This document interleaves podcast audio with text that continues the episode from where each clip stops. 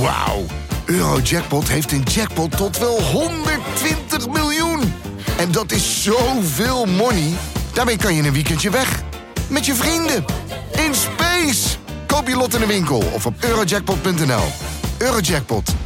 Een spel van Nederlandse Loterij. Speelbewust 18+. Plus. Als je hervormingen van diepe maatschappelijke betekenis wil gaan aanbrengen, dan is in een democratie er maar één mogelijkheid. Dat is wat meer gebruik maken van de stembus. Wij zijn bereid, ook als progressief minderheidskabinet, dit land te besturen. En wij wekken daartoe, heel duidelijk, wij wekken daartoe de kiezers op.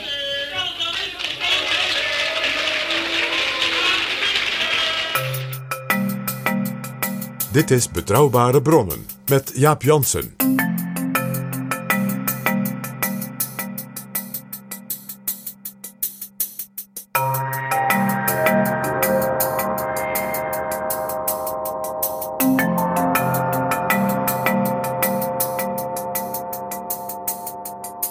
Hallo, welkom in Betrouwbare Bronnen, aflevering 170 en welkom ook PG. Dag Jaap. PG, wederom kunnen wij een aantal nieuwe vrienden van de show welkom heten. Dat is echt elke week weer feest hè Jaap. Ja, elke aflevering komen er een aantal nieuwe bij. Twee keer in de week dus. En deze keer heten we welkom Simon, Daan, Tara, Wilma, Jeroen, Frans, Dennis, Antoinette, Pieter Jan en Floris. Elke keer weer nieuwe vrienden. Dat is een rijkdom Jaap. Hartelijk welkom en als jij nou luistert en je wil ook vriend worden, en dat hopen wij, want dan kunnen wij weer hele mooie afleveringen gaan maken, dan ben je welkom. Ga naar de site vriendvandeshow.nl/slash bb en dan vind je een mogelijkheid om te doneren en je bepaalt zelf het bedrag. En op die site hebben wij ongeveer dagelijks ook updates vanuit de actualiteit. Europees, internationaal, maar ook nationaal. In relatie tot bijvoorbeeld eerdere edities.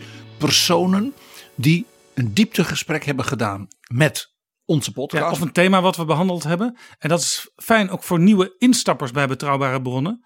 Want die kunnen dan direct naar zo'n aflevering gaan die op de een of andere manier nu opnieuw actueel is.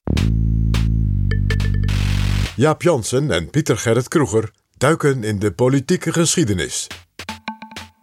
PG, wat zagen wij afgelopen week gebeuren in de campagne voor de Tweede Kamerverkiezingen 2021? Wij lazen een interview met Jesse Klaver, de lijsttrekker van GroenLinks. En Jesse Klaver die had eens om zich heen gekeken. Hij had een eh, interview met Lilian Marijnissen in de Volkskrant gelezen. Hij had waarschijnlijk ook Lilian Marijnissen gehoord in Betrouwbare Bronnen. En toen merkte hij dat zij eigenlijk uh, liever de verschillen met de andere linkse partijen, met name GroenLinks en de Partij van de Arbeid, benadrukte. Uh, dan dat zij talmde naar samenwerking. Terwijl er toch zo'n mooi initiatief was geweest een klein jaar eerder in de Tolhuistuin in Amsterdam, waar die drie leiders, toen nog Ascher van de P van de A, Marijnissen en Klaver, beloofden om in ieder geval op punten te gaan samenwerken. Toen, het eerste wat ze toen aanpakten was de belastingen. Zullen we ze naar voren roepen? Ja. Mag ik naar voren jullie partijleiders Jesse Klaver, Lilian Marijnissen en Lodewijk Asscher? Daar komen ze. Goedenavond. Goedenavond. Staan jullie allemaal goed? Ja? Zijn er toevallig ook PvdA's vanavond? Ja! En uh, SP'ers? Okay. Heel misschien ook uh, GroenLinksers? En zijn er ook mensen vanavond die verandering willen? Ja! Ah, geweldig. Vrienden, wat goed om jullie hier vanavond te zien. En vanavond markeert het begin van een keerpunt. En je hoeft mij misschien niet te geloven, maar kijk naar buiten. De tijd van rechtse politiek is voorbij. Dat was de Tolhuistuin in Amsterdam-Noord. En dit is Lilian Marijnissen een klein jaar later in Betrouwbare Bronnen. Over links gesproken, uh, u stond een jaar geleden in de Tolhuistuin in Amsterdam met Partij van de Arbeid en GroenLinks. En toen werd vanuit die zaal, eigenlijk meer nog vanuit de achterbannen van de verschillende partijen dan door de leiders gepleit voor veel inniger samenwerking en bijvoorbeeld een soort basisprogramma samen voor de verkiezingen. En u zei toen meteen al dat gaan we niet doen. Waarom? Nou, om, om heel eerlijk eh, te zeggen, kwam, kwamen die vragen en geluiden ook echt uh, vanuit uh, PvdA en GroenLinks achterban. er is geen één SP'er die ik daarover heb gehoord. Bij ons is daar namelijk helemaal geen enthousiasme voor. En ik heb het idee dat dat bij de achterban van PvdA en GroenLinks, ja, dat, dat weet ik niet hoor, dat moet je ook zelf met ze bespreken. Maar dat bleek op die avond in ieder geval wel, dat, dat daar meer enthousiasme is voor, nou ja, daar ging het zelfs over fusies en zo op zeker moment. Ja. En teleurgesteld daardoor zei Jesse Klaver in de Volkskrant: Nou ja, als het dan met de SP blijkbaar niet kan, de karavaan moet door. Met de Partij van de Arbeid trekken we samen op. Die afspraak staat. Ik hoop dat ook D66 deel wil uitmaken van een progressieve alliantie. En daarbij zag je dat Jesse Klaver toch een, iemand is uit de jongere organisatie van het CNV. Want de honden blaffen, maar de karavaan trekt verder, is een klassieker van Piet Steenkamp, de oprichter van het CDA. Ja, op de achtergrond speelt overigens nog mee dat Klaver er toch een beetje spijt van lijkt te hebben dat, dat hij als uh, onderhandelaar van GroenLinks in de kabinetsformatie tot twee keer toe en de tweede keer definitief uit die formatie stapte. It's no use crying over spilled milk, beste Jesse. En hij vindt dat D66 en GroenLinks elkaar toen niet vasthielden. En, en dat, dat verwijt hij... hij vooral D66, opvallend en, genoeg. Ja, en dat wilde hij dus nu wel. Uh, maar eigenlijk met kerende post kwam het antwoord van Sigrid Kaag dat D66 daar eigenlijk helemaal niks voor voelt. En zelfs Lilian Ploemen van de Partij van de Arbeid is terughoudend als het gaat om samenwerking. Ja, als Piet Steenkamp daarmee te maken had gehad, beste Jaap. Piet Steenkamp was de, de vader, zeg maar, de samenbrenger van de partijen die het CDA gingen vormen. Dan hadden we nu nog een CAU gehad met misschien één zetel in de Kamer. Laten we even een paar jaar terug in de tijd gaan. We luisteren naar Diederik Samsom, toen Partij van de Arbeid leider. Over samenwerking richting en na de verkiezingen. En wij kwamen erop uit dat je als je echt structureel samenwerking wil realiseren, dat je er niet komt met, mag ik zeggen, gratuite oproepen over uh, een pact of een, een, een, een, overeenkomst of iets dergelijks. Omdat je na verkiezingen toch gewoon weer uit elkaar wordt gespeeld. Zo werkt het bij politieke partijen. De enige manier om dat echt te doen is de manier waarop heel veel partijen zijn ontstaan in het verleden. Uh, namelijk door fracties samen te gaan laten werken. De ChristenUnie is ontstaan doordat GPV en de RPF-fractie een hele tijd gewoon samen optrokken. Klaar, heel simpel. De CDA is ontstaan doordat CAU, KVP en HRP heel lang samen optrokken. En op een gegeven moment, halverwege zo'n periode, hebben ze maar bedacht: weet je wat, laten we het CDA maar oprichten. Want we zijn toch heel erg gelijk aan het werken in één fractie. Ja, en een kerk jullie beleven. En, nou goed, bij ons, bij ons geldt dat inmiddels zijn er 16 partijen in de Tweede Kamer. Ik vind dat het tijd is voor nieuwe samenwerkingsvormen. En die ook verder gaan dan de vrijblijvende kopjes koffie en dat soort paraphernalia en symboolpolitiek. Je moet dat echt willen doorpakken. En ik wil dat heel graag. Alleen ik constateer ook dat elke keer als die omstandigheid zich voordoet, dan is er altijd een reden voor één van de partijen, en wij waren het soms ook, hè, dus hand in eigen boezem daarover. Er is er altijd een reden voor één van de partijen om te zeggen, uh, dat doen wij dus even niet, want wij zijn beter af in ons eentje. Dat is waar, soms. Alleen ik wacht geduldig op het moment dat alle partijen die in die samenwerking zouden moeten meedoen, en de eerste twee zijn natuurlijk GroenLinks en de Partij van de Arbeid, dat die op hetzelfde moment denken, ja, wij worden er beter van. Dat is opmerkelijk, PG. Samsom die droomde dus ook van progressieve samenwerking. En hij spiegelde die aan het succes van de samenwerking van het CDA. Nog even, en Piet Steenkamp wordt een soort uh, postuum erelid van de Partij van de Arbeid. Beste Jaap. Ja, maar het gaat dus met golven blijkbaar bij die verschillende progressieve en linkse partijen. Soms dromen ze ervan, van samenwerking. En als het dan per ongeluk lijkt te gaan lukken, dan is het ook alweer voorbij. En beste Jaap, het zal jou niet verbazen. Daar heeft, dat heeft hele diepe historische wortels. Zowel in de ontwikkeling van zeg maar, het ontstaan van massapartijen. Al in de 19e eeuw. We hadden het een tijdje geleden met Johan Snel over Abraham Kuyper. Uh, en Domela Nieuwenhuis als zijn concurrent. Maar hij steunde hem stiekem ook als dat kon. En de hele ontwikkeling van democratische partijen, massapartijen, ook massapolitiek. Aan de linkerzijde, als ook in het midden en aan de rechterzijde. En dat hele idee van die samenwerking, ja en nee, en de tactische kanten daarvan, de strategische kanten daarvan, dat heeft dus grote ja, gevolgen en diepe wortels. Laten wij daarin duiken, PG. Dit is Betrouwbare Bronnen. PG op zich zit er natuurlijk wel wat in, in samenwerking tussen bepaalde partijen. Met name, die wil ik er even uitlichten, Partij van de Arbeid en GroenLinks. Uh, er was een tijd geleden een, een kieswijzer of een stemwijzer. En toen bleek dat als je die op een bepaalde manier invulde, dat je eigenlijk bij Partij van de Arbeid en GroenLinks tegelijkertijd uitkwam. Want er bleken geen verschillen te zijn in de 40 standpunten die daar waren uitgelicht van die twee partijen. Ja, dat kon natuurlijk niet. Dus toen hebben ze uh, in overleg en onder druk uh, van die partijen uh, nog wat verschillen moeten, moeten aanbrengen. maar Partij van de Arbeid en GroenLinks zitten dus heel dicht bij elkaar. En met het blote oog zijn ze inhoudelijk nauwelijks te onderscheiden. Als je naar de recente politieke geschiedenis in Europa kijkt, is de laatste keer dat er echt sprake was van een krachtig, zeg maar, vooruitstrevend bewind in een dominant toonaangevend land was natuurlijk rood-groen. Het woord zegt het al. Onder leiding van Schröder en Fischer in Duitsland. Ja, overigens, uh, je noemt Europa. Als je kijkt naar het Europees Parlement, daar zijn de Sociaaldemocraten en de Groenen natuurlijk wel twee verschillende fracties. Zeker, en zijn ook niet altijd elkaars vrienden. En dat zal ook het, het lastig maken, ook in, in Nederland, om echt ooit te fuseren, denk ik. Ja, dat, dat zeker. Maar laten we niet vergeten dat het uh, aspirant PvdA-leider Ronald Plasterk was.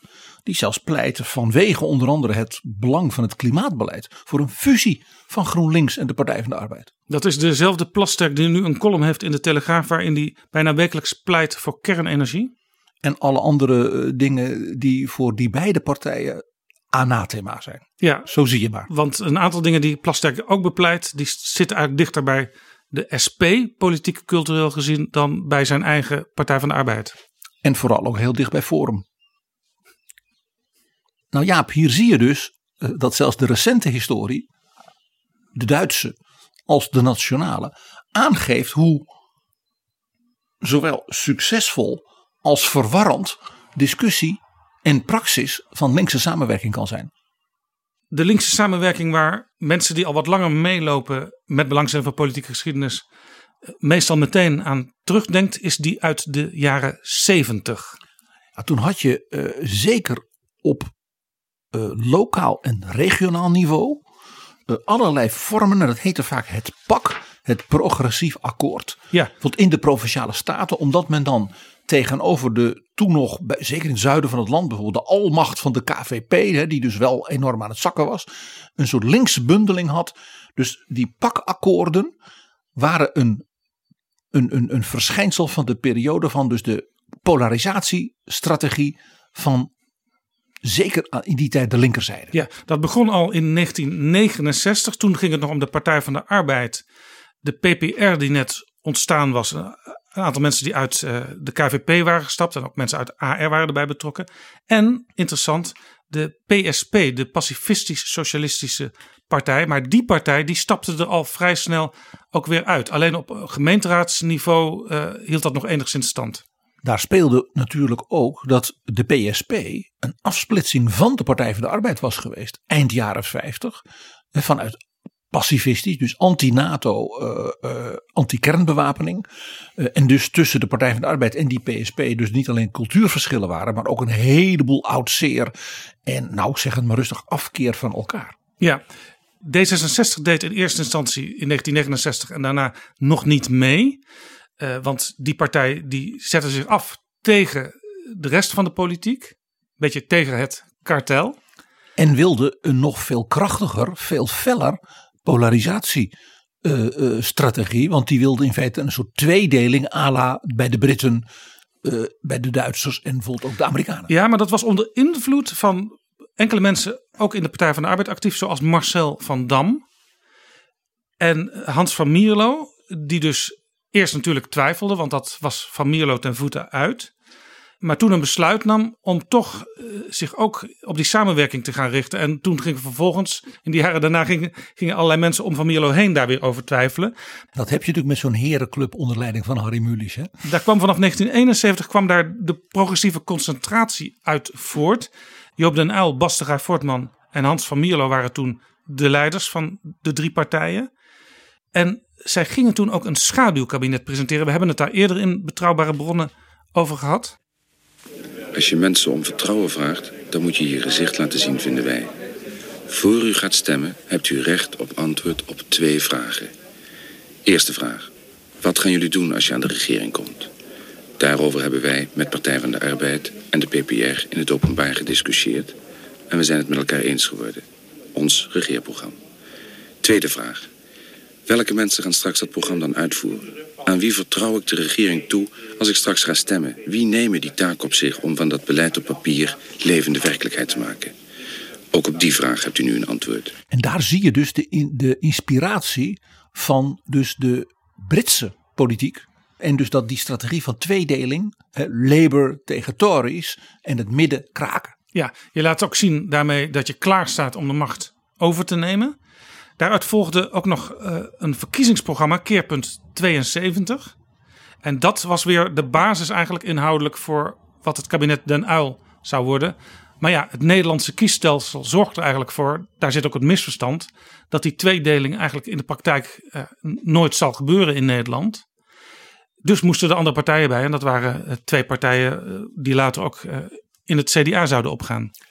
En daarbij speelde dat in de PvdA men zoiets had van vogel in de hand, tien vogels in de lucht. Uh, daar heeft men die progressieve volkspartij, zodra men dus gewonnen had en dat kabinet een uil had, natuurlijk gedumpt. Ja. En dat werd door D66, uh, zeker door Van Mierlo ook zelf. Denk aan jouw prachtig gesprek met Hubert Smeets. Als het verraad van Den Uil en de PvdA gezien. Je zou kunnen zeggen natuurlijk de grenzeloze naïviteit van Van Mierlo zelf. Ja, en dat heeft ook een levenslang trauma opgeleverd bij D66. Uh, een onderleiding uh, van Jan Terlouw is toen de afstand tot de Partij van de Arbeid steeds groter geworden. Het interessante is in het boek De Kanon van het Sociaal Liberalisme, waarvan inmiddels een uh, herziene tweede druk is verschenen. Daar staat ook een hoofdstukje over die samenwerking. En daar staat aan het eind van het verhaal staat een zinnetje. Na 1972 wist de nog jonge progressieve samenwerking zich niet verder te ontwikkelen. En wat dus heel interessant in die kanon is, is dat dit ook de enige keer is dat in die kanon iets van die samenwerking op links aan de orde is. Je ziet dus dat uh, het voor, een, zeg maar, voor de sociaal-liberale uh, kant van de progressieven, die linkse samenwerking dus nooit echt iets is geworden is, ondanks dus de droom van Van Mierlo. Ja, overigens in de, de zelfgemaakte geschiedschrijving van de sociaal-liberalen, in dit geval D66, uh, komt later in de geschiedenis natuurlijk wel paars aan de orde. Maar dat en, was niet links. Nee, maar dat wordt wel gezien door die D66'ers die dat, dat boek ook hebben geschreven. Uh, als iets vergelijkbaars. Want uh, de, de linkse samenwerking, de progressieve samenwerking, was gericht tegen de almacht van de Christen-Democraten en de paarse samenwerking ook. Ja, en dat, dat, daarvoor was men bereid met Bolkestein samen te gaan. Dus je kunt van hoop zeggen, maar niet dat het links of progressief was. Nee, die slag is u. nou, wat je hier in die linkse samenwerking, dus in de, zeg maar, de, de verschillende fenomenen daarvan, want dat is wat het zo interessant maakt, is natuurlijk de tragiek van Joop den Uyl. Het is al vaker door ons genoemd, van 1977. Een reusachtige verkiezingsoverwinning. Hij, zijn partij, de PvdA, slokt al die kleine linkse partijen min of meer op. En de Partij van de Arbeid denkt dan linkse samenwerking, dat zijn wij zelf. En het effect is, dan gaan we dus heel erg ja, uh, eisen stellen aan de partijen van het midden, dus dat nieuwe CDA onder van acht. We gaan ze vernederen, uh, ja, want wij zijn die linkse meerderheid. Ja, je zag toen ook dat D66, die hadden mentaal al afscheid genomen van die samenwerking met de Partij van de Arbeid. Uh, de PPR, die toen gewoon heel erg klein was geworden, ja, die, die kon eigenlijk ook niet anders doen dan er toen afscheid van nemen. Ja, die waren gewoon geruineerd. Uh, de PSP, de CPN, daar was bijna niets van over. Uh, en, en de Partij van de Arbeid maakte dus toen de grote zeg vooral ook strategische fout, nog meer dan tactisch. Eh, te denken van, nou, met die 53 zetels zijn wij de linkse samenwerking en kunnen dus dicteren. Het effect was dat zowel de persoon Joop den Uyl, hè, het tweede kabinet Den Uyl kwam er niet, als de Partij van de Arbeid als geheel voor lange tijd in feite ja, in de marge van de politiek diep gefrustreerd bleef zitten. Ja, en, en zij dachten dus te kunnen dicteren aan de rest van het politieke landschap in feite. Waardoor alle andere partijen eigenlijk toch een soort van afkeer van die Partij van de Arbeid kregen. Nou ja, je jaagt ze dan in elkaars armen, zoals dat heet. Het gevaar dat Mark Rutte nu ook bedreigt, waar wij het in een eerdere editie al over hadden. Je kunt ook te veel winnen. Dat bleek bij Joop den Uyl dus in 77. Ja, want, want zoals de Partij van de Arbeid toen de grote volkspartij was, CDA was natuurlijk ook, is nu de VVD de grote volkspartij. En we zullen zien welke consequenties dat zal, zou kunnen hebben. Nou, we hadden het al even over de, een soort herneming van die gedachte met de paarse kabinetten. Het interessante van, daarvan was natuurlijk dat de oppositieleider tegen paars was dus niet Elko Brinkman en Nees Heerma, Jaap de Hoop Scheffer van het CDA. Brave, voortreffelijke kerels, maar geen oppositieleider. Dat was Paul Rozenmuller van GroenLinks. Dus de oppositie van, dus de echte fundamentele oppositie, inhoudelijk, eh, vanuit de progressieve gedachte, kwam van GroenLinks. Ja, dat was ook de periode dat GroenLinks bijna net zo succesvol was electoraal als de afgelopen jaren. En dat is dus heel interessant. Hier zie je dus dat opnieuw die linkse samenwerking door Paars eerder geblokkeerd werd dan bevorderd. Nou, toen kwam natuurlijk 9-11, eh, toen kwam eh, Balkenende, om het maar even zo te zeggen. Eh, was nou ook niet helemaal wat men had gedacht als vrucht van Paars. En toen kwam er een zeer interessante fase die in Nederland een beetje vergeten lijkt. De enige keer dat je zou kunnen zeggen, er was in Nederland, ook in het parlement, een echte linkse meerderheid. Ja, opgeteld 76 zetels. Dat was de Kamerverkiezingen van 2006. En dan denk je, nou, dat is dus het moment om toe te slaan. Een links kabinet. Dat allemaal eh, mooie dingen kan doen, nationalisaties en wat al niet. En wat gebeurde er? Eh, niet dat. Want die linkse meerderheid van één zetel, die was ontstaan doordat de Partij van de Arbeid onder leiding van Wouter Bos een enorme zeepert had gehaald bij de verkiezingen. En Jan Marijnissen met zijn SP bijna net zo groot was als dus de Partij van de Arbeid van Wouter Bos. Ja, als je de grafiek ziet van de opiniepeilingen met uiteindelijk de echte verkiezingsuitslag aan het einde, dan zie je de Partij van de Arbeid eigenlijk afkalven van iets van 60 zetels naar 30. Naar 30. En de SP die kwam op naar 25 zetels bij de verkiezingen. De SP haalde die 25 zetels die er in Nederland altijd is bij verkiezingen voor een verrassende nieuwkomer op de flanken. Of het nou Fortuyn is, uh, Rita Verdonk, Jan Marijnissen, Geert. Wilders. Die, die, die is er. Dat potentieel is er bij de kiezers. En uh, Jan Marijnissen die haalde die echt gewoon bijna 100% binnen. En dus er was een linkse meerderheid in de Kamer. Maar die linkse meerderheid was dus in, intern, zeg maar in rivaliteit om maar wie is nou de echte winnaar binnen links. Dus diep verscheurd. Ja, en waarschijnlijk dacht Wouter Bos ook, ja als ik uh, ga toegeven aan al die zeer linkse plannen van de SP, dan krijg ik misschien wel enorme verdeeldheid in mijn eigen gelederen. Nou ja, hij zou dan als premier van een links kabinet Bos, uh, Vliegend Hart, uh, Rozenmuller, uh, Pechtold, ik noem maar eens wat. zou hij dus afhankelijk zijn van één Kamerlid.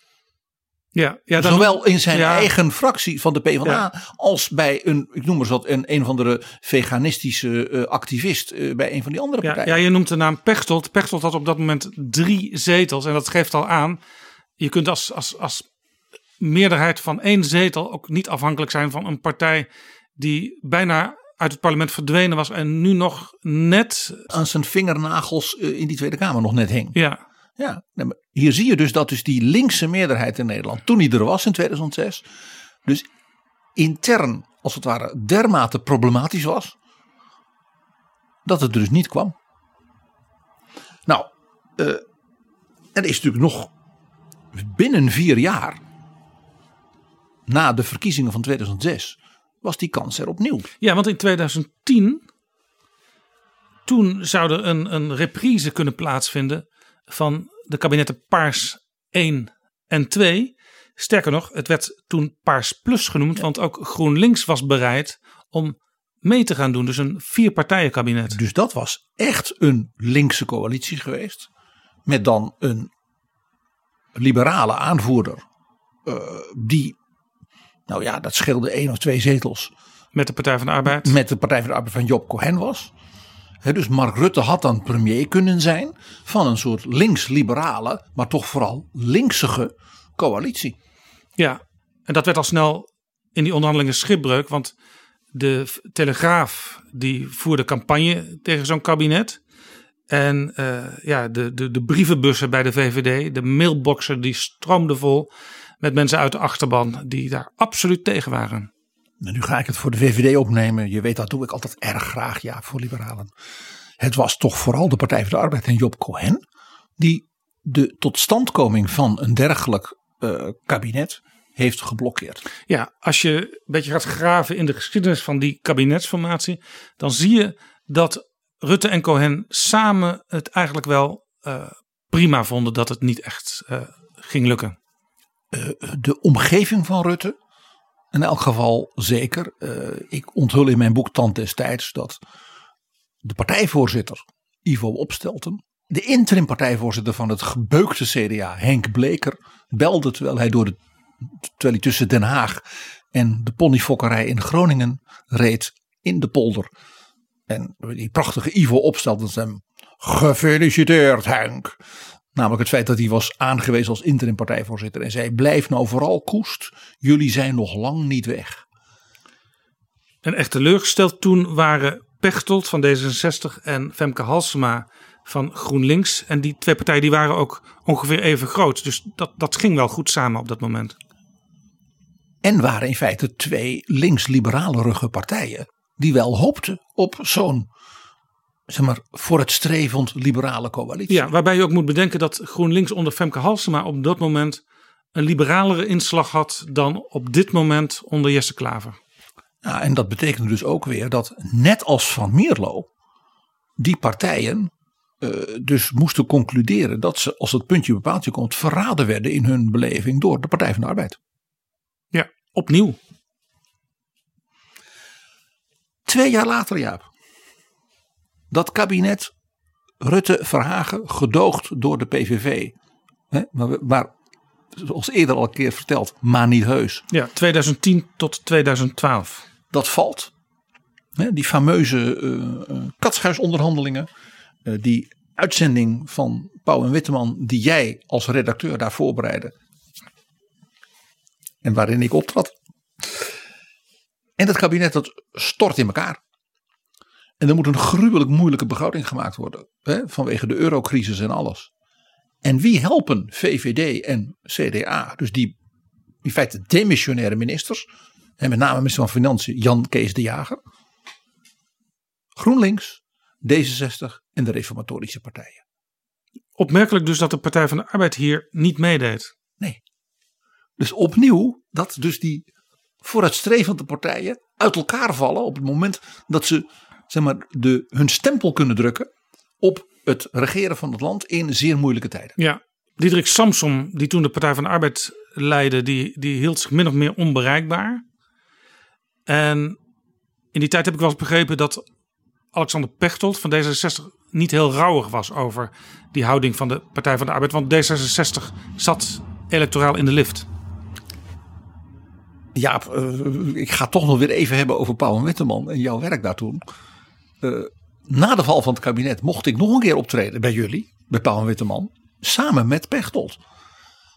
En ik deed toen een vurig pleidooi voor zo'n soort nationaal-achtig kabinet zoals in Italië met Mario Monti. En Pechtold, toen dat dus twee, drie dagen later ja, gerealiseerd was, zij het zonder dus de Partij voor de Arbeid, heeft mij toen in de Tweede Kamer stralend ja, begroet met meneer vriend Monty, riep hij toen. Pechtold vond het helemaal niet erg dat de PvdA er niet bij zat. En heel erg leuk dat Jolanda Sap van GroenLinks wel meedeed.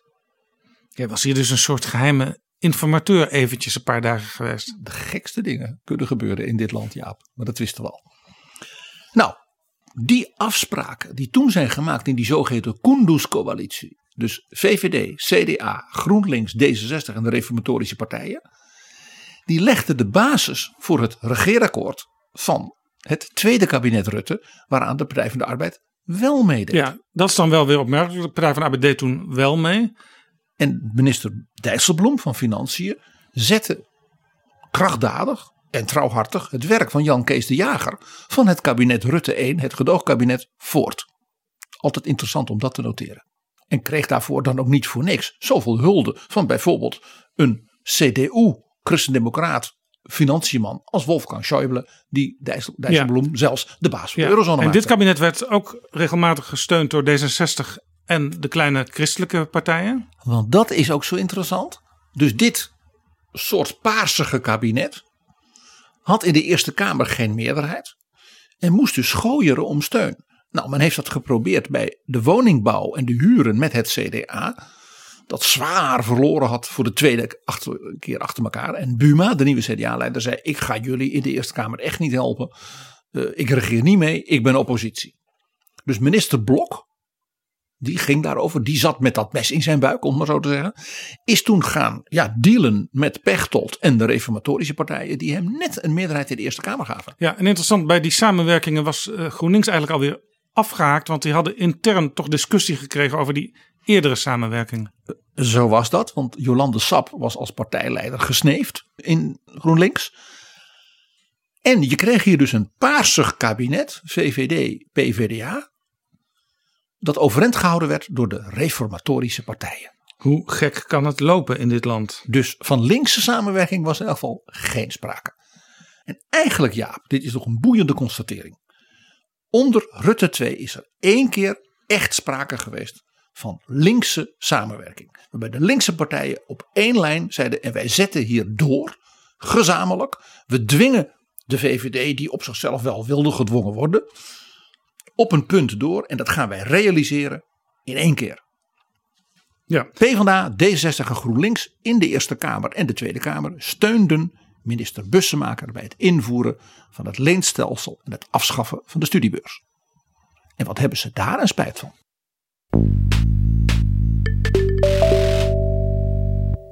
Dan gaan we naar 2017, de formatie waar we het in de eerste minuten van deze aflevering al over hadden. Waar GroenLinks meedeed. D66 wilde ook GroenLinks er graag als partner bij. D66 probeerde ook met alle mogelijke middelen, Pechtold met name, om de ChristenUnie buiten die formatie te houden. Maar ja, door de houding van GroenLinks uh, moest Pechtold op een gegeven moment wel accepteren dat er onderhandeld ging worden serieus met de ChristenUnie. En wij weten dat binnen GroenLinks bijvoorbeeld uh, iemand als Bram van Ooyek uh, vond dat, laat ik zeggen, de, de, de, zeg maar, ja, de compromisbereidheid op bijvoorbeeld het punt van uh, migratie- en asielbeleid zodanig was dat, dat GroenLinks niet heel erg negatief moest zijn ten opzichte van wat er mogelijk was. Maar ja, Van Ooyek verloor dat als het ware in zijn fractie. Ja, want het komische was, Van Ooyek was uh, ook diplomaat geweest en had als diplomaat ook onderhandeld over het soort deals, zoals de Turkije-deal, uh, waar GroenLinks zich tegen verzette. En GroenLinks die verzette zich ook tegen plannen die toen gemaakt werden, die als zodanig eigenlijk nooit zijn uitgevoerd. Dus dat is misschien wel het pijnlijke. Ja. Uh, GroenLinks verdween en er gebeurde de dingen die zij vreesden, die gebeurden helemaal niet. Nee, die werden nog geblokkeerd ook. Het interessante was dat uh, binnen uh, die onderhandelingen er ook aan de kant van VVD en zeker ook aan de kant van het CDA er best genegenheid was om GroenLinks erbij te hebben. Uh, ten eerste omdat dat natuurlijk de linkse oppositie echt enorm zou verdelen. Ja, de Partij van de Arbeid die al op de rug lag met negen zetels. En de SP die een klap had gehad. Eh, dus hè, dat maakte het kabinet een soort breed, soort nationaal kabinet. Hè, van midden en linkerkant en meer hè, aan de linkerkant van de liberalen en aan de meer rechterkant van de liberalen. Dus dat was mooi. En het maakte natuurlijk dat kabinet veel steviger in de Tweede en de Eerste Kamer wat betreft de meerderheidsverhoudingen. Met de ChristenUnie had een dergelijk kabinet natuurlijk maar één zetel meerderheid. Dus dat maakte GroenLinks eigenlijk best een attractieve partner. En ja, Klaver zegt dus nu, ja, ja, ja wij partijen op de, aan de linkerkant eh, hebben elkaar niet genoeg vastgehouden. En ja, nou, die heeft daar dus spijt van, zo blijkt. Ja, en nu blijkt in 2021 dat Lilian Marijnissen zegt, ja, wij kunnen ook samenwerken. En dat doen we nu ook al regelmatig in de Tweede Kamer met initiatieven. eh, met partijen als het CDA en de ChristenUnie. En daar krijgt Jesse Klaver dan weer de bibbers van. En hier blijkt Lilianne Marijnissen toch echt de dochter van haar vader. Het was Jan Marijnissen die op het hoogtepunt van zeg maar, de potentiële macht van de SP, de zomer van 2010, toen stond de SP in de peilingen op 35 zetels en misschien zelfs wel ietsje meer. En Emiel Roemer, de nieuwe, ja, goedmoedige, hartelijke dorpsonderwijzer, zou de premier van Nederland worden. En wat doet Marijnissen in het kleine restaurantje Paraplu in een heel smal straatje in Den Haag? Als je Nieuwsport uitloopt in Den Haag en je loopt rechtdoor een steegje in, dan kom je bij restaurant De Paraplu. En dat is dus zoiets als Desinde in de historie. Zo'n eethuis waar bijna geschiedenis geschreven Ja, werd. als je de, het interieur bekijkt van de paraplu, dan is het wel geheel tegengesteld aan de zender. Want het is, het is klein en smal. En je moet eh, uitkijken dat je niet eh, allerlei mensen van hun, van hun stoel afduwt als je naar je eettafeltje gaat. Het, het heeft niet de oude Haagse 19e eeuwse chic van Hotel des Indes. Waar de grote Russische ballerina Anna Pavlovna is gestorven. En die zaal heet ook naar haar. Ja, ja. maar ik zie Jan Marijns ook niet heel snel vaak in Desinde dineren. Liever een dagschotel in de paraplu. Dan wel bij het restaurant Athene Palace. Waar ze zelfs de Marijnissen schotel heel lang hebben gehad. Precies. In Paraplu ziet hij in dat smalle steegje. Ja het is allemaal zo smal. Langslopen. Want alle ramen en deuren waren open van Paraplu. Want het was heel erg warm. Het was 3 juli. Pieter Omzicht voorbij lopen. En hij zwaait naar Pieter Omzicht en vertelt hem: Zet hem op, jongen. Jij gaat die verkiezingen winnen. Nog Jij even, gaat- nog even, welk jaar was dit? 2012. Dus Rutte Verhagen was gevallen. Het CDA lag ook in de peiling op zijn gat. En Omtzigt was, nou ja, nog meer op zijn gat gevallen. Want die was heel laag nog net op die lijst gekomen tegen de zin van de partij top in. Ja, en Jan Marijnissen zei dus, eh, doe je best. Het is goed als jij eh, er weer in komt. Sterker nog, hij zei: Ik ken heel veel kiezers in Brabant en Limburg. En dat zijn goede katholieken met een sociaal hart. En die zeggen altijd tegen mij: Ja, op zulke godlogenaars en marxisten als jij ga ik niet stemmen. Je hoort het Marijnissen met een grijns zeggen. En dan zeg ik altijd: stem dan op Pieter Omtzigt. Dat is een goede katholiek. en dat is een heel goede parlementariër. Dat was natuurlijk voor Omtzigt leuk. Gewoon even een hart onder de riem. Ja, je denkt je- maar daar gebeurde nog meer in de paraplu. ze bleven zitten. En Marijnissen ging met omzicht dealen. Die zei: waarom gaan wij niet regeren? Wij worden heel groot. Jullie komen er als CDA toch ook nog wel weer in. En jij zeker. En kijk nou eens naar onze verkiezingsprogramma's. En wat het land nu moet hebben de komende jaren. Ja. En die hebben samen, zeg maar op de achterkant van een bierviltje. Zoals dat dan spottend wordt genoemd. Niet al te letterlijk. Een soort regeerakkoord van de SP met het CDA en zeg maar het midden. Ja, het CDA heeft natuurlijk ook altijd een, een, een sociale kant. En we zien de afgelopen tijd, 2021, eh, samenwerking tussen Omtzigt en Renske Leijt als het gaat over de kindertoeslagaffaire. En er zijn nog wel een paar onderwerpen waar Lilian Marijnissen nogal, hè, dochter van haar vader, de nadruk op legt. En Marijnissen, senior, had nog een politiek tactisch argument. Die zei: Kijk nou naar Brabant. In Brabant was er een college van provinciale staten met als informateur Hans Wiegel van VVD, CDA en SP. En zei: Als het in Brabant kan, de provincie met veel boeren, maar ook met brainport, met topindustrie, universiteiten en wat al niet, dan kan het in heel Nederland. Ja, op zich een logische redenering van Jan Marijnissen. Jan Marijnissen is een goed marxist en houdt dus van logica. En die was dus bereid om, zeg maar, voor de macht te dealen met het CDA en eventueel ook zelfs dus de VVD van Wiegel. En zag dan in, zeg maar, een man als omzicht een soort de brug waarover hij kon lopen richting dat CDA. Ik kan me nog herinneren dat we om zeg maar, tegen half twee die avond paraplu verlieten. Oh, je was erbij? Ik was erbij. Lees het weer, ook dit weer in mijn boek Tand destijds. En hier zie je dus dat de SP al veel langer, zeker in lijn met Jan Marijnissen als de grote, de worst, de baas, helemaal niet zit te wachten op een linkse meerderheid in dat opzicht.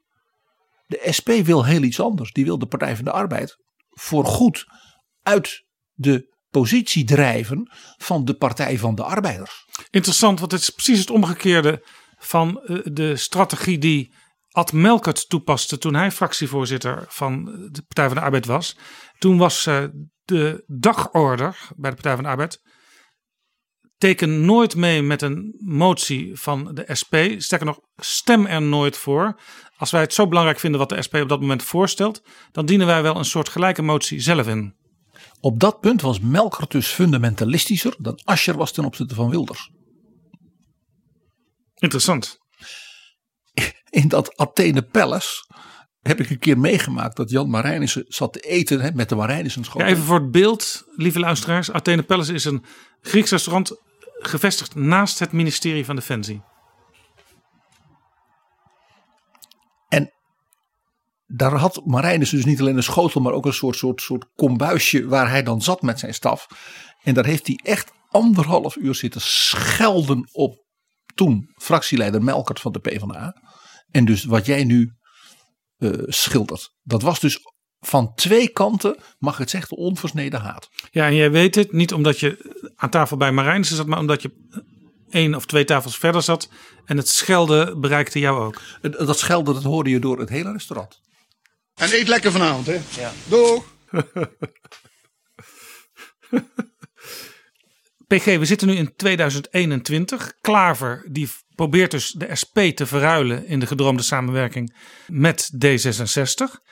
Dus een minder breed, breed links. Sigrid Kaag heeft meteen al gezegd uh, dat dat gaan we niet doen. Nou begrijp ik dat strategisch ook wel weer een beetje van D66. Want als je ik niet. kijkt naar uh, een van de laatste onderzoeken van INO Research uit deze maand, februari. Uh, dan zie je dat mensen die potentieel D66 uh, overwegen te stemmen, uh, dat die voor 33% ook kijken naar GroenLinks en naar de Partij van de Arbeid. Nou, dat is dus logisch in deze redenering. Maar 16% kijkt ook nog naar de VVD en 11% naar het CDA en zelfs nog 9% naar Partij voor de Dieren. Dus uh, D66 zit een beetje tussen die linkse partijen en de VVD en het CDA in qua electorale mogelijkheden. Ja, maar dat soort onderzoek is prachtig voor de pundits. Maar ik redeneer toch even, je zult het me maar even vergeven, Jaap, vanuit macht. Macht? Ja. Verkiezingen gaan om aantallen en om succes en cijfers en macht. Ja, maar goed, bij D66 zitten ze nu dus nog in de aantallenfase van hoe maximaliseren wij ons potentieel. Ze zitten in de HAFMO twijfelfase. Laten we het nou gewoon even bruut vaststellen. Als D66 zeggen wij doen dit wel. Sterker nog, wij zijn zelfs bereid om een zeg maar nuchterder uh, Lilian Marijnissen met haar club er eventueel ook nog bij te halen. Dan wordt Sigrid Kaag premier. Want in de peilingen is D66 van die vier de grootste. En ik denk dat als de D66 zou zeggen: U kunt een vrouw premier maken. Een vrouw met het profiel van Sigrid Kaag. Wereldwijd hoog geacht. Voortreffelijke dame, minister, uh, iemand met een zekere allure. Maak haar premier. Dat dat voor die procenten die ook nog wel eens naar een andere partij kijken, misschien helemaal niet zo'n interessante afweging is. Dat ze dat veel interessanter vinden. Ja, dus bij wijze van spreken. Dus als alternatief voor Mark Rutte als premier maakt D66 Kaag hiermee Ja. onmogelijk. Met 14, 15, 16 zetels zou Kaag dus premier kunnen worden. Natuurlijk. Interessant. Nou, nou, ik ga iets heel ondeugend zeggen, ja. Hiermee maakt dus de linkerzijde maar één iemand potentieel de alternatieve premier ten opzichte van Rutte. En dat is Wopke Hoekstra. Doordat D66 de kans laat liggen, geven ze Wopke Hoekstra de ruimte. Dat zou je dus kunnen zeggen. PG, de vorige keer toen jij opbouwend kritische opmerkingen maakte over Sigrid Kaag en D66, toen heeft het team Kaag een filmpje op internet gezet waarin je ons hoorde praten. Ik ben benieuwd hoe het filmpje en de tekst daarbij deze keer zal zijn. Heb jij niet een keer een foto van mij gemaakt waarin ik sneakers draag? Dan moet je ze dat maar aanleveren. Dit is Betrouwbare Bronnen, een podcast met betrouwbare bronnen. PG, het verhaal zoals je dat nu, tot nu toe vertelt, eh, doet mij een beetje denken aan een eh, Grieks drama. Veel gezang, eh, veel mensen die, die opkomen en weer afgaan. No- koren die het onheil verkondigen. Is dat idee van linkse of progressieve samenwerking, zou je kunnen zeggen dat dat historisch gedoemd is? Poeh, Jaap. Nou, ik ga even heel snel, als je dat goed vindt, langs eerdere momenten dat je zou zeggen, daar zou zeg maar, de progressieve linkse partijen eh, samen kunnen scoren. En dan gaan we eens kijken van wat zit daar bijna cultuurhistorisch, politiek strategisch, ideologisch onder. Ja, Dus eerst eens heel snel. Bij de zeg maar, start van de arbeidersbeweging, ook in ons land. Hè? De verlosser. Domela Nieuwenhuis. Juist, de dominee. De vurige pleiter voor de arbeiders. Die werd, hoe ouder die werd, steeds linkser. Hij werd uiteindelijk bijna een soort anarchist. Eén ding, Domela is nooit een communist geweest. Hij haatte, zeg maar, dwang. Het verdrukken van, van, van andere meningen en geloven. Ja, en deze zeer linkse socialist, daar staat zelfs een standbeeld voor in Amsterdam West. En daar zie je hem ook. Ik vind dat standbeeld heel knap. Want je ziet in hem zowel de, de, de, de, de revolutionair als de predikant. Ja, bij de Spaarndammer buurt is dat. Wat ik ook altijd zo interessant vond van Joop de Ruil. Er staat ook altijd die gereformeerde dominee in Joop de Ruil. Zijn opponent was natuurlijk Pieter Jelles Troelstra. De leider van de zeg maar, brede massa Sociaal-Democratische van de sociaal- Arbeiderspartij. Van de socialisten, de sociaaldemocraten. En die zei, ja die Troelstra, dat is mooi dat je zo zuiver in de leer bent. Maar daarmee eh, eh, gaan we dus nooit winnen. Dus Troelstra versus Domela en Domela versus Troelstra is al zo'n soort basis, historisch gezien, van het probleem van linkse samenwerking. Het is dus geen toeval dat Abraham Kuyper, juist Abraham Kuyper, ook de man van een grote massapartij, Domela dus steunde om gekozen te worden voor een kiesdistrict vanuit Friesland. Waarbij dus de gereformeerde boeren en burgers zei: stem op Domela, want dan komt hij in de Kamer en niet die liberale baas, hè, die notaris uit jullie dorp. Ja, en eh, Abraham Kuyper dacht waarschijnlijk ook een klein beetje verdeeldheid in linkse kring is nooit weg voor mijn stroming. Hij dacht: als de linkse stroming wordt vertolkt door een fundamentalistische ideoloog, dominee, als Domela, houdt dat links ook klein, zuiver en klein. Precies natuurlijk wat Troelstra niet wilde. Abraham Kuyper, dat weten we, was ook tactisch niet dom. Nee. Later in de geschiedenis was er natuurlijk ook een enorme tegenstelling in Nederland tussen de Partij van de Arbeid en de Communistische Partij. Ja, kijk, de samenwerking op links in die, dat opzicht was natuurlijk gedoemd door de geschiedenis van de jaren 20 en 30. Waarin de communisten in Duitsland in feite het redden van de Duitse democratie enthousiast ondermijnden. Aangemoedigd vanuit het Kremlin. laten we er niet omheen draaien. Zij noemden de sociaaldemocraten sociaalfascisten. Dat zegt al genoeg. Ja, en steunden de facto, en zelfs ook op straat met allerlei knokpartijen en burgeroorlogachtige dingen, de NSDAP. Ja.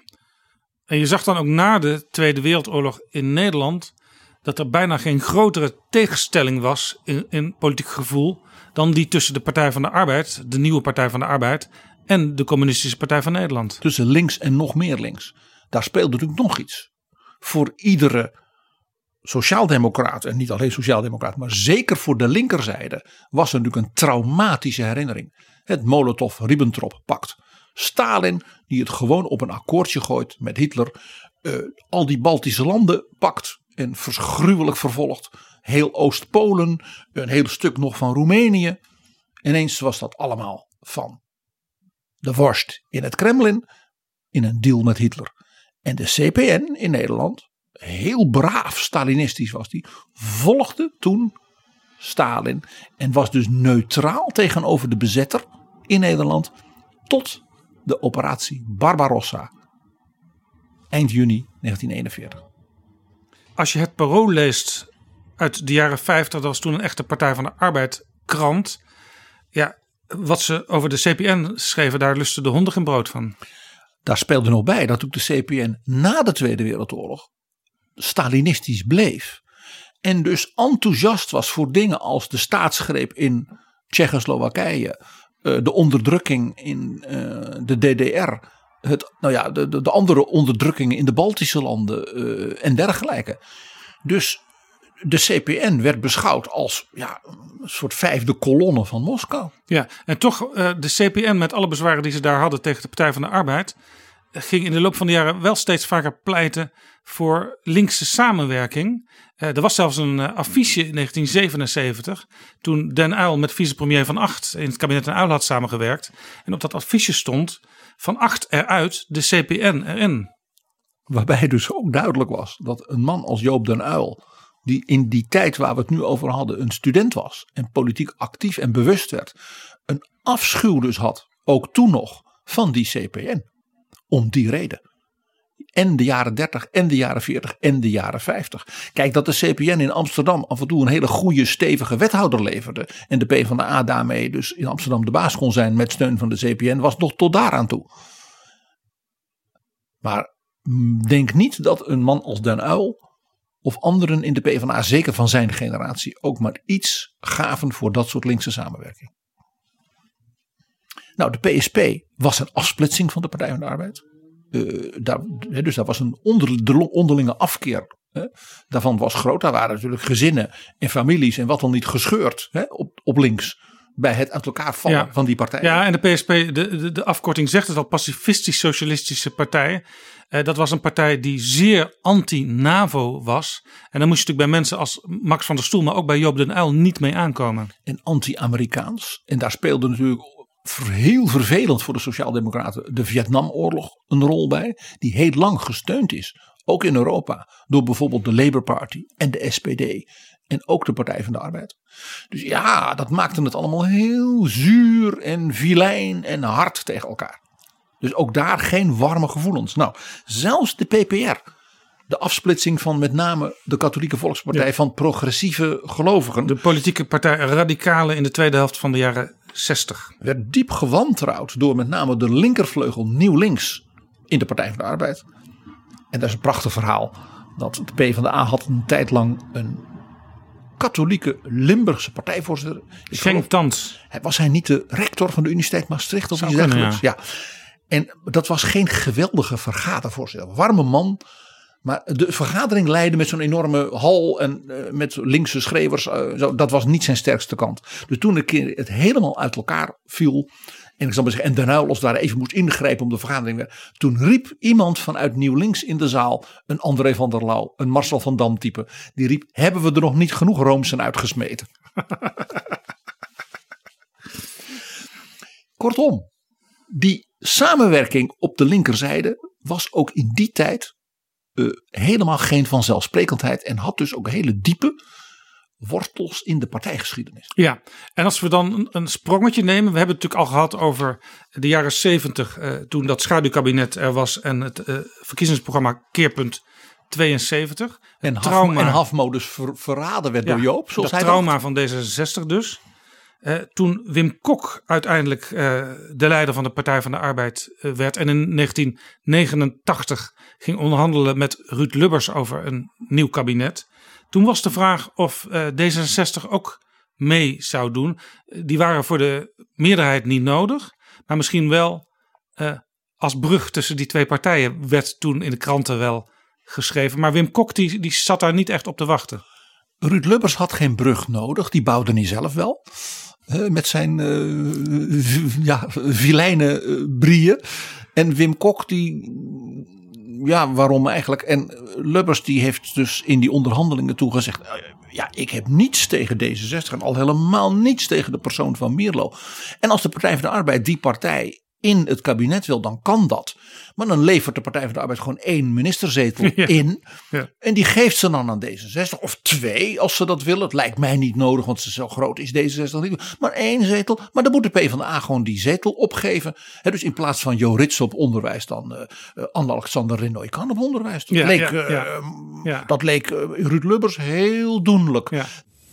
Het is wel degelijk een extra belasting van een eventueel centrum-links kabinet als D66 aan die gesprekken deel zou nemen.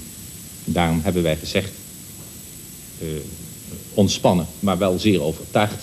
Het is beter zulks niet te bevorderen. Het is niks dat ik iets tegen D66 heb.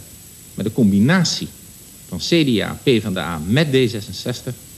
ja, dat maakt gewoon de hele agenda veel moeilijker. Ik heb dat uiteengezet aan de hand van één zeer concreet voorbeeld. Er zijn natuurlijk meer voorbeelden te noemen. Eh, ik ga dat niet doen, want dan zitten we, ben ik in zekere zin met de heer Kok eens, veel te snel in zetelverdelingsdiscussies. Maar je kunt natuurlijk wel een klein beetje vooruitkijken.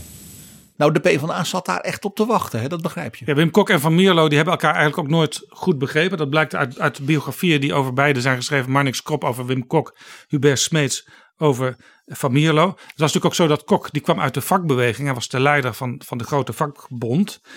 En eh, D66 was altijd een partij eh, die niet een één op één gezellige verhouding had met de FNV. Eh, Want, En D66 was een groot vijand van de polder. En Wim Kok was natuurlijk de kampioen van de polder. Ik noem alleen maar het akkoord van Wassenaar. En D66 was natuurlijk ook de partij van wat toen al een beetje opkwam, de ZZP'ers. Dus ja, dat automatisme van gezellig samen met de vakbond strijden, dat, dat was er niet. Dus, dus Kok had ook nooit zoveel met top D66'ers te maken gehad. Kok, Kok was ook geen lid van de Herenclub. In 94 bij het maken van Paars 1 was het ook bepaald niet het idee van Wim Kok dat er een Paars 1 zou komen.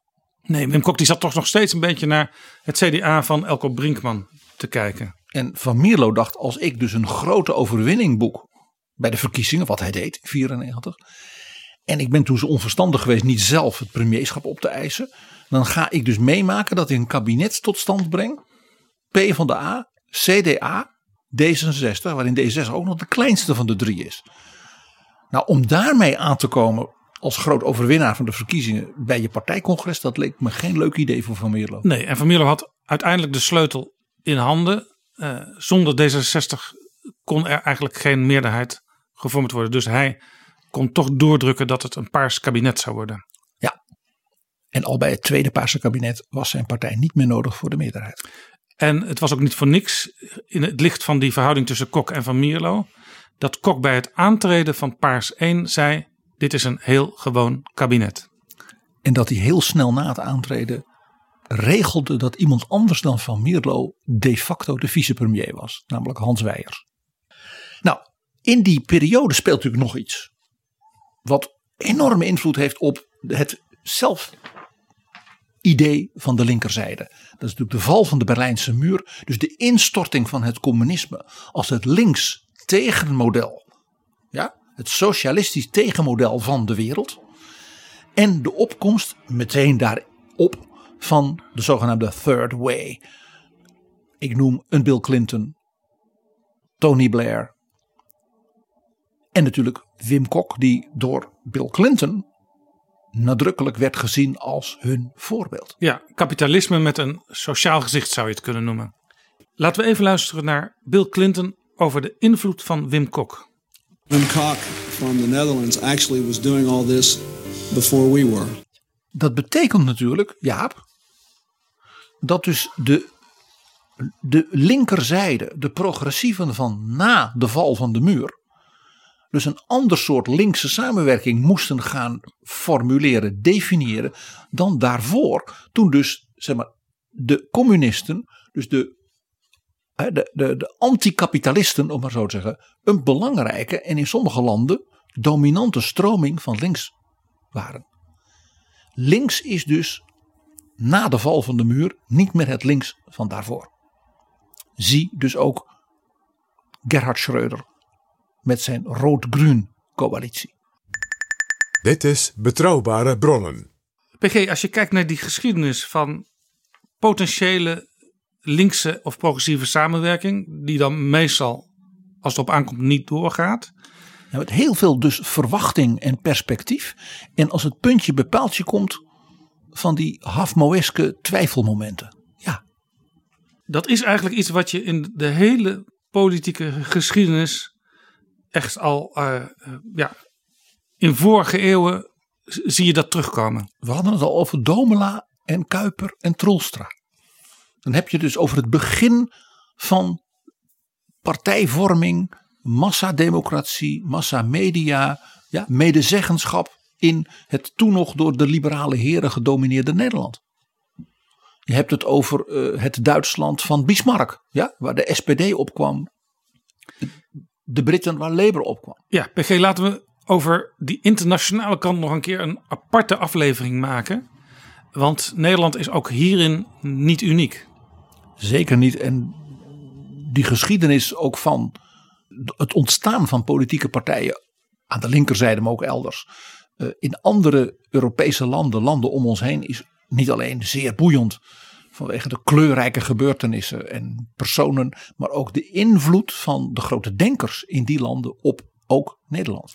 Als we Europees en ook nog verder internationaal kijken, uh, er zit natuurlijk ook meteen in Nederland een tegenstelling tussen hoe partijen naar de wereld kijken.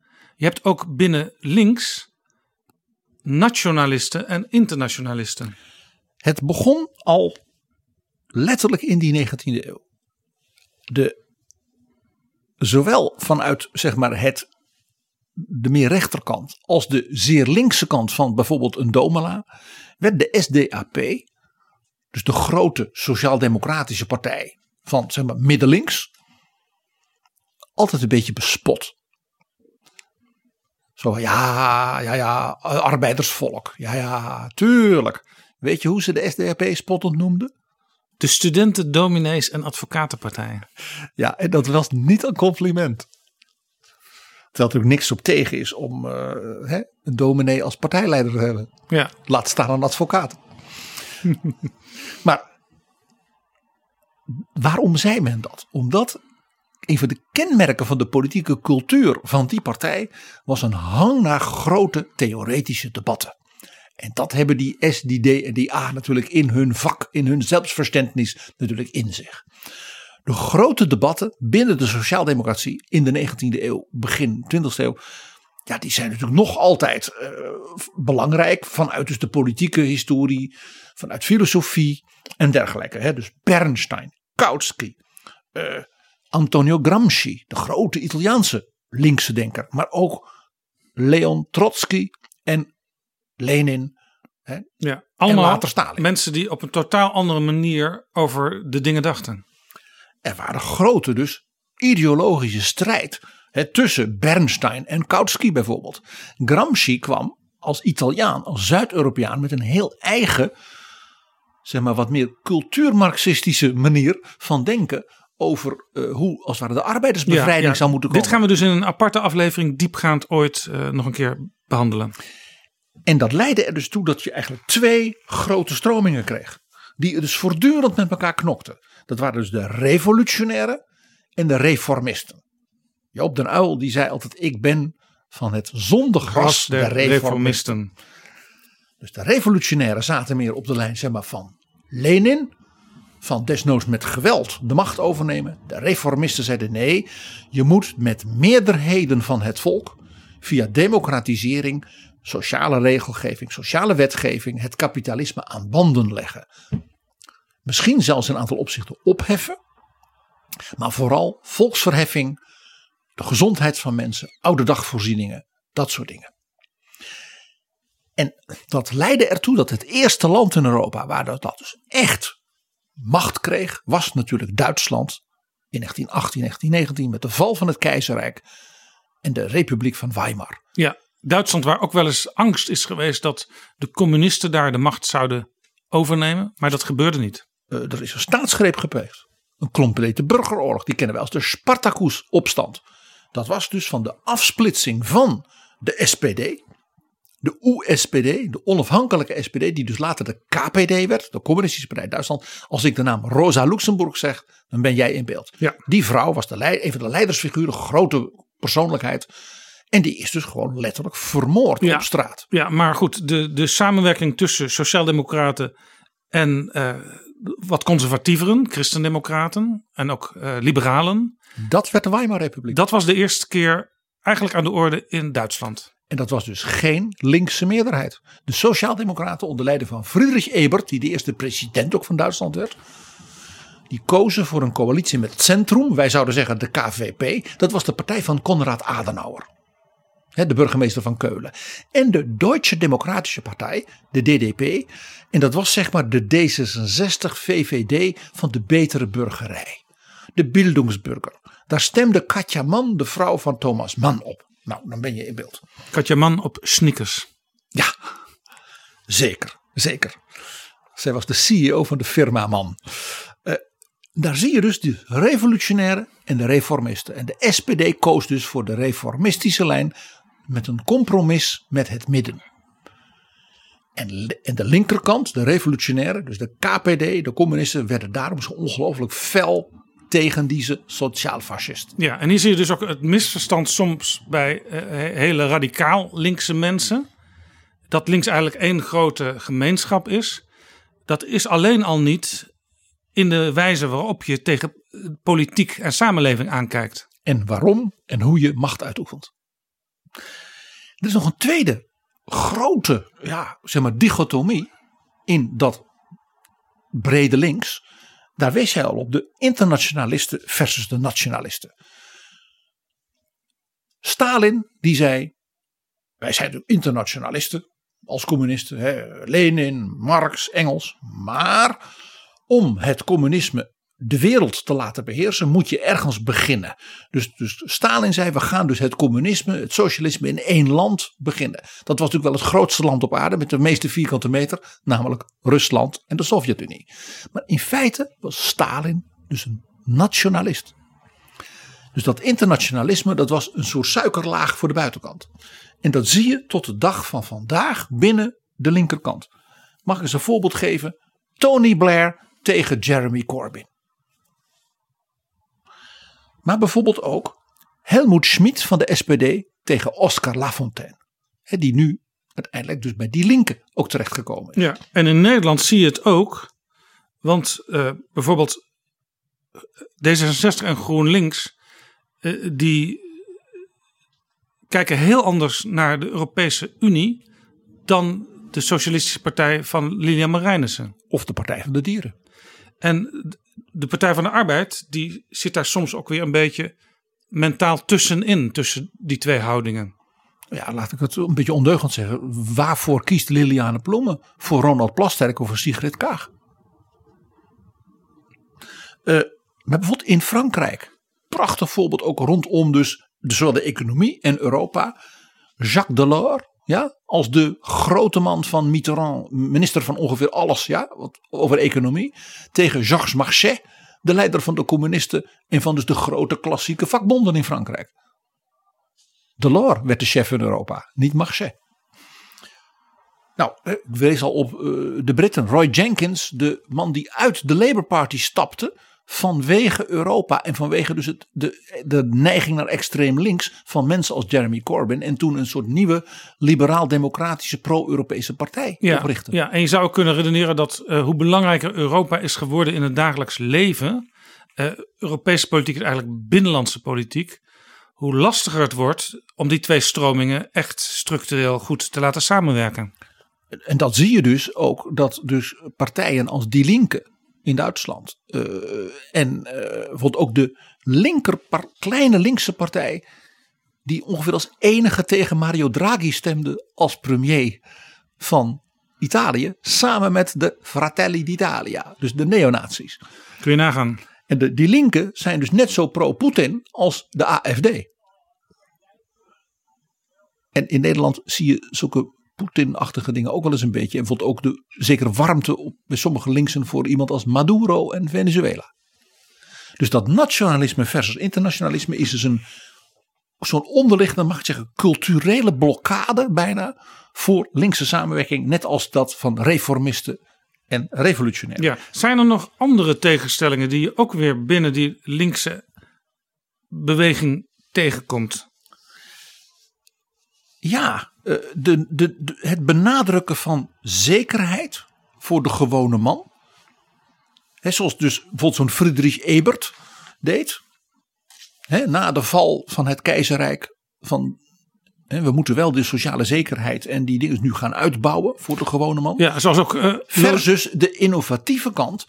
Uh, ik zal maar zeggen van we moeten allemaal nieuwe experimenten gaan doen. Ja, Lodewijk Asscher benadrukte natuurlijk toen hij nog lijsttrekker was van de Partij van de Arbeid in de richting van de verkiezing van 2021 zekerheid heel erg. Dat had hij ook geleerd van een reclameman. Benadrukt dat nou, noem dat woord in elke tweede zin die je uitspreekt. Maar dat was heel klassiek, mag ik zeggen, dat was heel erg Wim Kok. Meer dan Joop den Uyl. Die he, meer, ook vaak die vernieuwende kant benadrukte. Uh, he, ook als, als, vanuit de kunsten en vanuit, uh, ja, ja. En, dergelijke. en bijvoorbeeld ook als Melkert, die als partijleider van de Partij van de Arbeid natuurlijk vergeten is door velen. Maar die in feite in dat opzicht een klassieke voortzetter was van Wim Kok. Ja, Ad Melkert herinner ik me van toen hij minister van Sociale Zaken was. Dat hij op een bepaald moment kwam pleiten voor een koude toeslag. En dat deed hij ook in de dikste jas die hij in zijn garderobekast had kunnen vinden. Natuurlijk met de camera's buiten pleiten voor een koude toeslag. Dat, had, dat had recent dus heel goed weergekund. Overigens, jij noemde innovatie als iets wat dan aan de andere kant van die redeneerlijn staat. En als je kijkt in de parlementaire uh, geschiedenis, Tweede Kamerdebatten, dan zie je dat het woord innovatie, wat je tegenwoordig natuurlijk heel vaak hoort, in de jaren zeventig eigenlijk voor het eerst regelmatig al gebruikt werd door Jan Terlouw, die toen de D66-aanvoerder was. Dat was typisch zo'n beta-ingenieur die dus die nieuwe economische en technologische ontwikkelingen interessant vond. En bij innovatie bedoel ik dus niet alleen technologie, maar ook dus innovatie in de zin van staatkundige vernieuwingen, democratisering en dergelijke. Nou, wat in de PvdA zelf bijvoorbeeld Rottenberg met zijn niet-niks jongeren tegenover Wim Kok en tegenover een Melkert. Maar bijvoorbeeld ook een Hans Weijers. Ja, als een soort innovatieaanjager uh, vanuit D66 tegenover de meer klassieke uh, PvdA-polder binnen Paars. Dus ook dat is een, dat is dus veel meer dan een accentverschil. Daar zitten dus ook hele diepe uh, zeg maar, motieven onder. En dat zie je ook in wat ik me altijd wel noem, en dat zeker in deze tijd, de linkerzijde. Ben je nou voor de boterham of voor de identiteit? Ja, boterham is ook, zou je kunnen zeggen, zekerheid. Ja, maar ook gewoon ervoor zorgen dat de mensen, uh, uh, laat ik zeggen, aan het werk kunnen. Dat ze de kinderen, laat ik zeggen, naar school kunnen. Ja, en identiteit, hoe omschrijf je dat? Want dat is altijd een lastig begrip. Dat is natuurlijk de, de, de nieuwe tijd. Hè, dat men zegt van ja, het wie wij zijn. Ja, dus veel aandacht voor feminisme, gender, LHBTI, gender, Q+. Ja, gender, ras, herkomst. Uh, regio tegenwoordig. Uh, Rob Jetten die zelfs de Elfstedentocht ontdekt. Uh, Sylvana Plasterk die ook heel erg identiteitachtig aan het worden is op dat punt. Tegelijkertijd zie je bijvoorbeeld een Lilianne Marijnissen zit in feite, als je kijkt naar de linkerzijde, is dat een vrouw van de lijn Koolmees en Dijsselbloem. Kijk nou naar de boterham van de werknemer. de positie van de ZZP'er, eh, de werkende vrouw, eh, de, eh, heet het, de kinderopvang. Ja, er is Kun- nog, dat kinderen Ja. kunnen studeren zonder veel schulden. er is nog een, een tegenstelling die je af en toe eh, eh, heel duidelijk ziet. En dat is die tussen rood en groen. GroenLinks is natuurlijk de partij die dat zelfs in de naam van de partij al eh, probeert te verenigen. Ze hebben ook heel leuk in hun logo eh, groen in het rood eh, geschilderd en links in het groen geschilderd. Geen roos, geen tomaat. En je ziet ook dat bijvoorbeeld de SP het klimaatbeleid belangrijk vindt, maar niet het allerbelangrijkste. Ja. En dat GroenLinks, als het erop aankomt, klimaatbeleid belangrijker vindt dan de sociale zaken. Nee, klimaat is sociaal. Want dat is overleven. En dat is zorgen dat iedereen mee kan doen daarin. Ja, Nee, eh, zoals Sigrid Kaag het onlangs zei in het televisieprogramma M, doen of doodgaan. Nou, kijk naar Europa. De SP zit in Europa niet bij Ska Keller Van de Groenen. en Bas Eickhout. Van de Groenen. Maar ze zit met allerlei andere, mag ik zeggen, fundamentalistisch, linkse, soms vroeger communistische partijen, zoals Die Linke. Ja, en die, die groep in het Europees Parlement kan alleen maar samenwerken met elkaar, omdat ze elkaar heel erg vrij laten. Want anders zouden ook zij niet kunnen samenwerken. Wat op zichzelf mooi is, dat dus extreem links alleen door liberaal te zijn toch nog iets kan voorstellen in Europa. Dat heeft wel iets leuks eigenlijk. Maar ik kijk bij rood, dus die nadruk op ook dat element wat we net noemden, de boterham. eh, dan, dan denk je aan mensen als Helmoet Schmid. Een, als, een man als Joop den Uyl. En bij groen denk je dan eerder dus aan Joschka Fischer. Dan denk je aan Paul Rozemuller. eh, ik noemde ook al zo'n Ska Keller, een Bas Eickhout. En dat is, dat is toch een meer dan dus een accentverschil. Zeker als de klimaatcrisis en alles daaromheen. Natuurlijk net als bij dat nationalisme en internationalisme. Een zwaarder, essentiëler thema wordt. Dus op dit punt neemt als het ware de mogelijkheid. Ook in ideologisch opzicht om met links samen te werken eerder af dan toe. En dan is er nog iets, en dat heeft ook iets te maken ja, met de, ja, zeg maar de, de wijze waarop links zich uit. Uh, ik bedoel dus niet de verpakking, dat, uh, he, dus niet zozeer de reclamespotjes, maar meer, laat zeggen, de wijze waarop links zichzelf verstaat. De taal, de codes, de beelden, de liederen. He, die je natuurlijk ook kennen van Stem des Volks en dergelijke. Dat is altijd een, een, een, een, ja, een, een tussen twee polen bewegen. Namelijk van nadruk op de volksverheffing. Dus ook de arbeider moet mee kunnen en mag ook mee en kan dat ook als hij ja, de ruimte krijgt, geestelijk. Ja. Voor de hoge cultuur en het benadrukken van het volkse, het anti-hogere cultuur. Heel interessant, want de VARA, dat was natuurlijk de omroep die lang gelieerd was aan de Partij van de Arbeid. Die had uh, vroeger het concert op de zaterdagmiddag in het concertgebouw. Dat was een live uitzending. En daarmee lieten ze dus zien, uh, wij willen iedereen laten kennismaken, ook de arbeidersklasse, met hogere cultuur, concerten. De zaterdagmatinee, zoals dat later heette, is in de wereld beroemd. Om de ongelooflijke kwaliteit van met name de opera-series daar. En dat is een van de oudste ononderbroken radio-rubrieken, zal ik maar zeggen, ter wereld voor klassieke muziek en opera. En ik noem één naam, de koningin van de zaterdagmatinee in de jaren tachtig, de Roemeense nachtegaal, de Callas van Boekarest, Nelly Miricioiu. Wat die vrouw aan met name ook het belcanto repertoire vergeten opera's kon zingen. Dankzij Jan Sekveld, de man van de VARA zaterdagmatinee, heeft geschiedenis geschreven in de klassieke muziek. En tegelijkertijd was bij de VARA lange tijd ja, min of meer een verbod om op de radio artiesten te draaien als uh, Johnny Jordaan en de zangeres zonder naam. Maar dit geeft dus aan dat aspect volksverheffing. Ja, ook de hoge cultuur is niet iets voor de elite maar het is voor de brede heffen des volks. Die mag daar ook van genieten, maar mag ook daardoor geïnspireerd raken. Een man als Joop den Uyl met zijn ongelofelijke ja, kennis van van de dichtkunst, van de literatuur. Heel kenmerkend voor dus die kant van links. Laten we even luisteren naar Joop den Uyl, die in de Tweede Kamer Bertolt Brecht reciteert. Uh, enkele maanden geleden bij de Democratische Conventie heeft gouverneur Cuomo van New York een, naar mijn oordeel, hele aangrijpende redenvoering gehouden. Waarin hij over dit punt uitsluitend gesproken heeft. Over A Tale of Two Cities.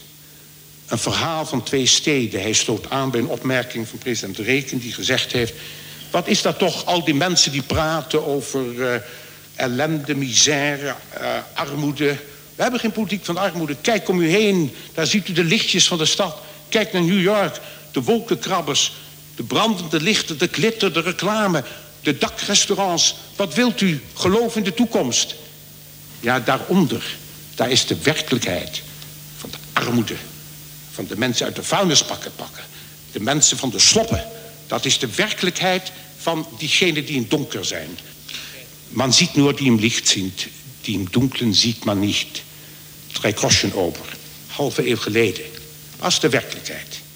Wij zien als politici, wij zien niet meer hoe ontzaglijk veel mensen vandaag de dag inderdaad de kamp hebben met armoede. En een politiek die betekenis heeft, die zal voluit dat moeten zien, een beleid moeten voeren, herstructureren om die tweedeling te voorkomen. Hij is nog geen feit, goddank niet. Maar als we niet een ander beleid voeren, dan zal die een feit worden en dan zal het niet alleen deze samenleving breken, het zal ons opbreken. Dat was Joop den Uyl. Ja, prachtig. Je weet, als Duitsland-liefhebber en, en literatuurliefhebber uh, word ik daar blij van. Dit is dus zeg maar eh, de linkerkant die het volk wil verheffen. Uh, maar er zijn ook momenten dat je juist de meer volkse kant benadrukt ziet. Vanuit het idee, we moeten de zeg maar, nog niet tot Vasalis uh, en uh, het belcanto van de Italiaanse 19e eeuw bekeerde arbeider ook een beetje aanspreken op wat hij gewend is. Of wat wij denken als campagnemakers en spindokters dat hij gewend is. Uh, er waren debatten in 1973 over een verbod van de zeezenders. Het tekenen door Nederland van het verdrag van Straatsburg, ratificeren. En daar zag je dat uh, de partijen die gelieerd waren aan de Hilversumse omroepen, zoals de Partij van de Arbeid, die waren natuurlijk op weg om die zeezenders de nek om te draaien. Maar een partij in de Tweede Kamer die daar niet voor was, was interessant genoeg de CPN. Die zei: gun de arbeiders nou hun radiostations. Heel slim. Heel slim van de communisten. Dat ze deze vrije jongens, deze uh, volstrekte uh, gewetenloze ondernemers, deze multimiljonairs, uh, de, de Herman Heinsbroeken van hun tijd, dat die gesteund werden door de communisten. Nou, je ziet dit op allerlei manieren in die linkse partijen. De, de, de, SP heeft een soort, soort, soort, soort traditie van wat ik maar noem, soort progressieve nederpop. Ja. Uh, ook, ook die, die, die neiging van linkse partijen uh, zich bijvoorbeeld te associëren met voetballers. Terwijl die meestal allemaal natuurlijk gewoon VVD stemmen vanwege hun uh, niet geringe uh, Ja, inkomsten. ik herinner me inderdaad in de jaren 70 mensen als Willem van Hanegem die in de karavaan van een uil meegingen. En Ruud Gullit die als de persoonlijke vriend van Mandela ook altijd aan de linkerkant werd bejubeld. Ja, ook Willeke Alberti was trouwens in de jaren 70 een aanhanger van Joop den Uyl. En die heeft later nog wel eens op een lijst gestaan voor een gemeenteraad voor de VVD. Hoewel ik mij nooit een echte socialist heb gevoeld, stem ik deze keer toch op Den Uyl. En waarom? Omdat ik vind dat hij het de afgelopen vier jaar ontzettend goed gedaan heeft. Nou ja, ontzettend goed. Maar ook dat, dat team Kaag dat ineens die sneakers benadrukte. Bijvoorbeeld uh, Lilian Ploemen die nu eens een heel nummer maakt van het carnaval uit haar jeugd in Limburg. Dat zijn dus pogingen, uh, als het ware een soort wat meer de volkse kant van links te adresseren. Uh, we hebben het al een keertje eerder gehad over jo de arme Joop den Uyl bij André van Duin. Ja. Wat dacht je van Job Cohen die een Polonaise moest doen? Ja, dat was min of meer gedwongen hè, door een televisieprogramma. Verschrikkelijk. En Jan Marijnissen, als Brabander uit de worstenfabriek. die kon daarom natuurlijk ook zo authentiek. Daar geloofde je het van. Ja. Maar Joop den Uyl die dus als student al ja, een sublieme verzameling eerste drukken van Frans Kafka opbouwde. Omdat er bijna niemand wist hoe ongelooflijk goed dat was. En dat hij dat dus gewoon als student voor bijna niks kost. En bij zijn dood een verzameling bij hem thuis was, literair. Waar ieder museum van de letterkunde iets voor zou over hebben. Dat is dus een heel ander aspect van de sociaaldemocratie. En van de linkerkant. Dus de linkerkant heeft, heeft, heeft altijd tussen die twee polen wat worstelend en soms ook wat onecht ja, zich in zijn uitingen bewogen. Ja, overigens is dat natuurlijk niet uniek voor de linkerkant. Want ik zag onlangs ook een CDA-lijsttrekker uh, op een schaatsbaan. En dat is natuurlijk ook iets volks. Dat is heel erg volks. Als zijn die schaatsers tegenwoordig, net als die voetballers, volgens mij allemaal miljonair. En ik kan mij een CDA-lijsttrekker misschien zelfs wel de allereerste herinneren die nog wel eens op een fiets zat. Ja, dat is waar. Je ziet dus Jaap dat er met hele diepe culturele en historische ja, oorsprongen er in die linkerzijde een soort dichotomie zit tussen heel verschillende, uh, ik zal maar zeggen, matrixen. Nationalisme, internationalisme, volksverheffing, volk, het volk knuffelen. Ja, groen versus rood. Groen en rood, reformisten, revolutionaire, zekerheid, vernieuwing. Dus dat die linkse partijen bij elke keer dat het dichtbij de macht is, dan ineens geconfronteerd worden met het feit, nu zul je toch moeten kiezen wie je bent. En dat dat dan leidt tot, ja, zeker uit elkaar vallen. We zien het dus nu opnieuw deze dagen. Heeft dus eigenlijk wel een soort nou, cultuurhistorische logica. Ik denk dat het campagnecomité van de VVD met belangstelling naar deze aflevering heeft zitten luisteren. Want het wordt dus toch weer, als er niet heel veel gebeurt de komende weken, een VVD-premier en niet Sigrid Kaag, Lilian Ploemen, Lilian Marijnissen of Jesse Klaver. Links loopt de kans zelf een vooruitstrevende minister-president te voorkomen. Eh, Jaap, jij had het al even over uh, Joop den Uyl, de literator. En hij kende zijn Brecht. Zeker. En je kunt, nu we het over die dichotomie hadden, aan de linkerzijde, cultuurhistorisch heel diep, natuurlijk niet beter eindigen dan met een opera. Ja, en nee, ik ga niet Nelly Mirichoyu nee. in een belkante opera. Al is haar versie van uh, de, de, die aria van Anna Bolena de allermooiste ooit Dit was de Vara. Goedemiddag. Wij doen natuurlijk Brecht. In de opera gecomponeerd door Kurt Weill, zijn vriend, in de jaren 20, jaren 30. Hun Dreigroschen oper, de Drie Stuivers opera. Een opera voor bedelaars, zoals ze dat noemen. En die eindigt met dat beroemde koor. Dat je moet kijken naar de mensen die je wel ziet. En dat je de mensen die je niet ziet snel vergeet. Wat Joop den Uyl aansnapt. En dat eindigt met die beroemde keus voor elke dus politicus. Waar ga je voor? Ga je voor dat de mensen de boterham hebben? Of ga je voor de identiteit, zouden wij nu zeggen? Eerst komt das Fressen en dan komt die Moral. Und die Getreten werden treten wieder. Darum sollte man das Unrecht nicht so sehr.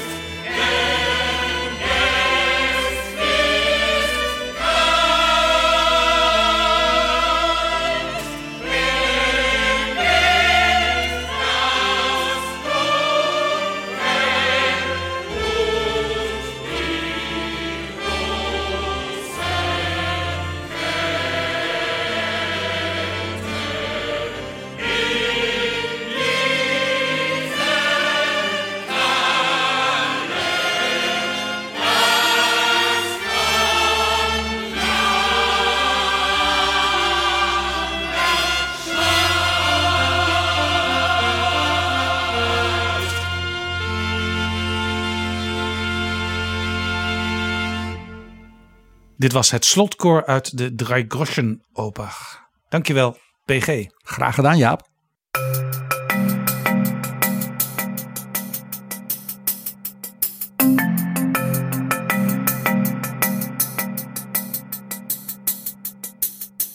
Zo, dit was Betrouwbare Bronnen, aflevering 170.